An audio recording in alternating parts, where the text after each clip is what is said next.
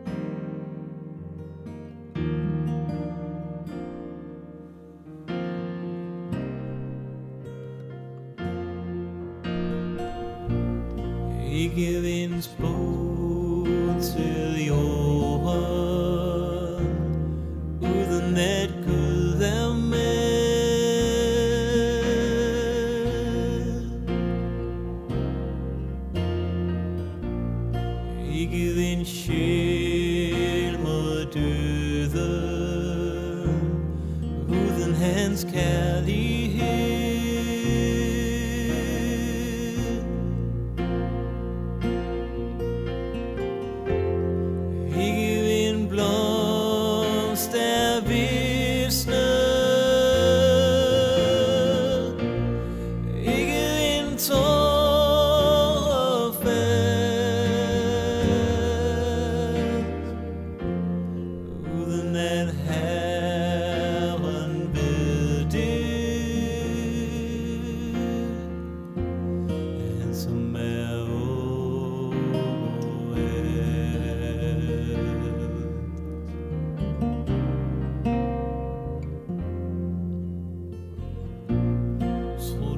stormen hærger Bladløse vintertræ.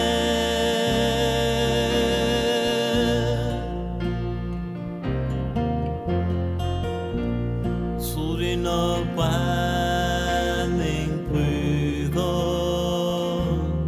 Over dine øjne skær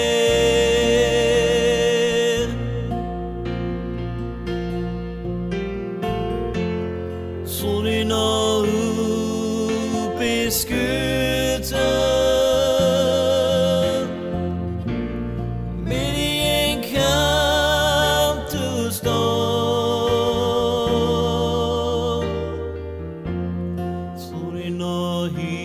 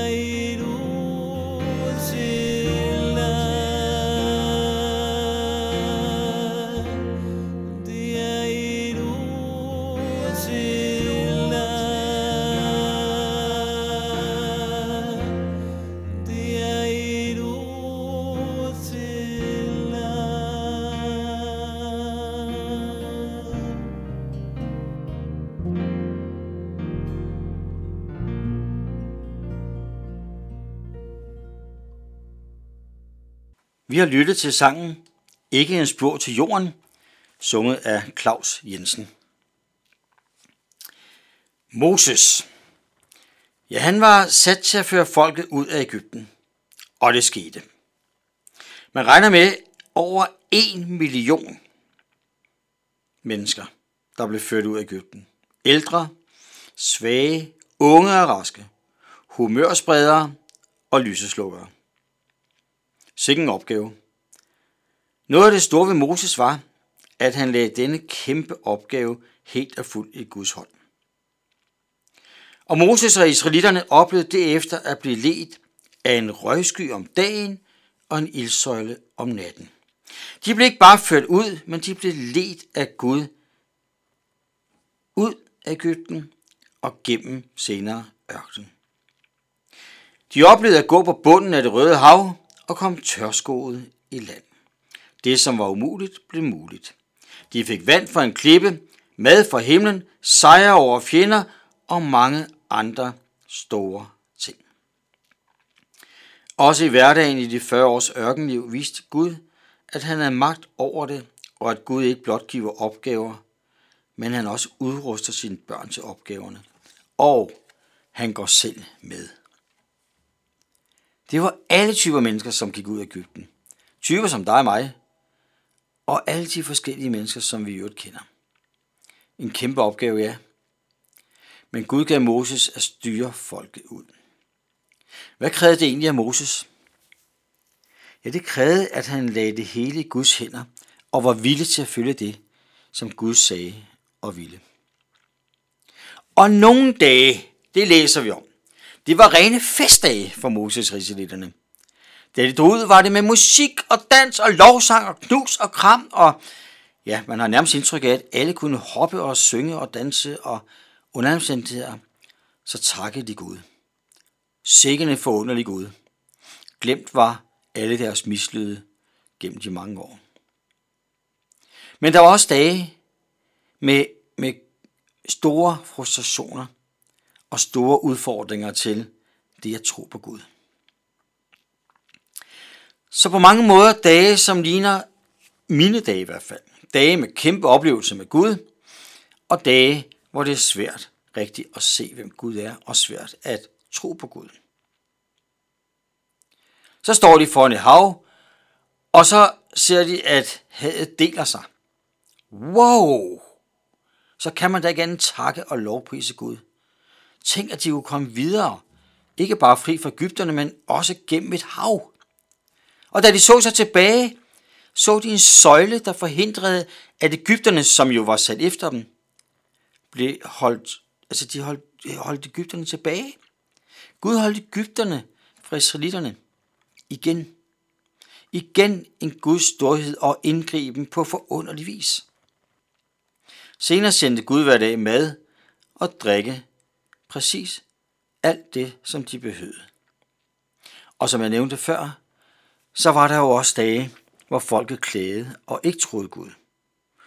Hvor de blev taknemmelige og utilfredse og ville tage livet i deres egne hænder.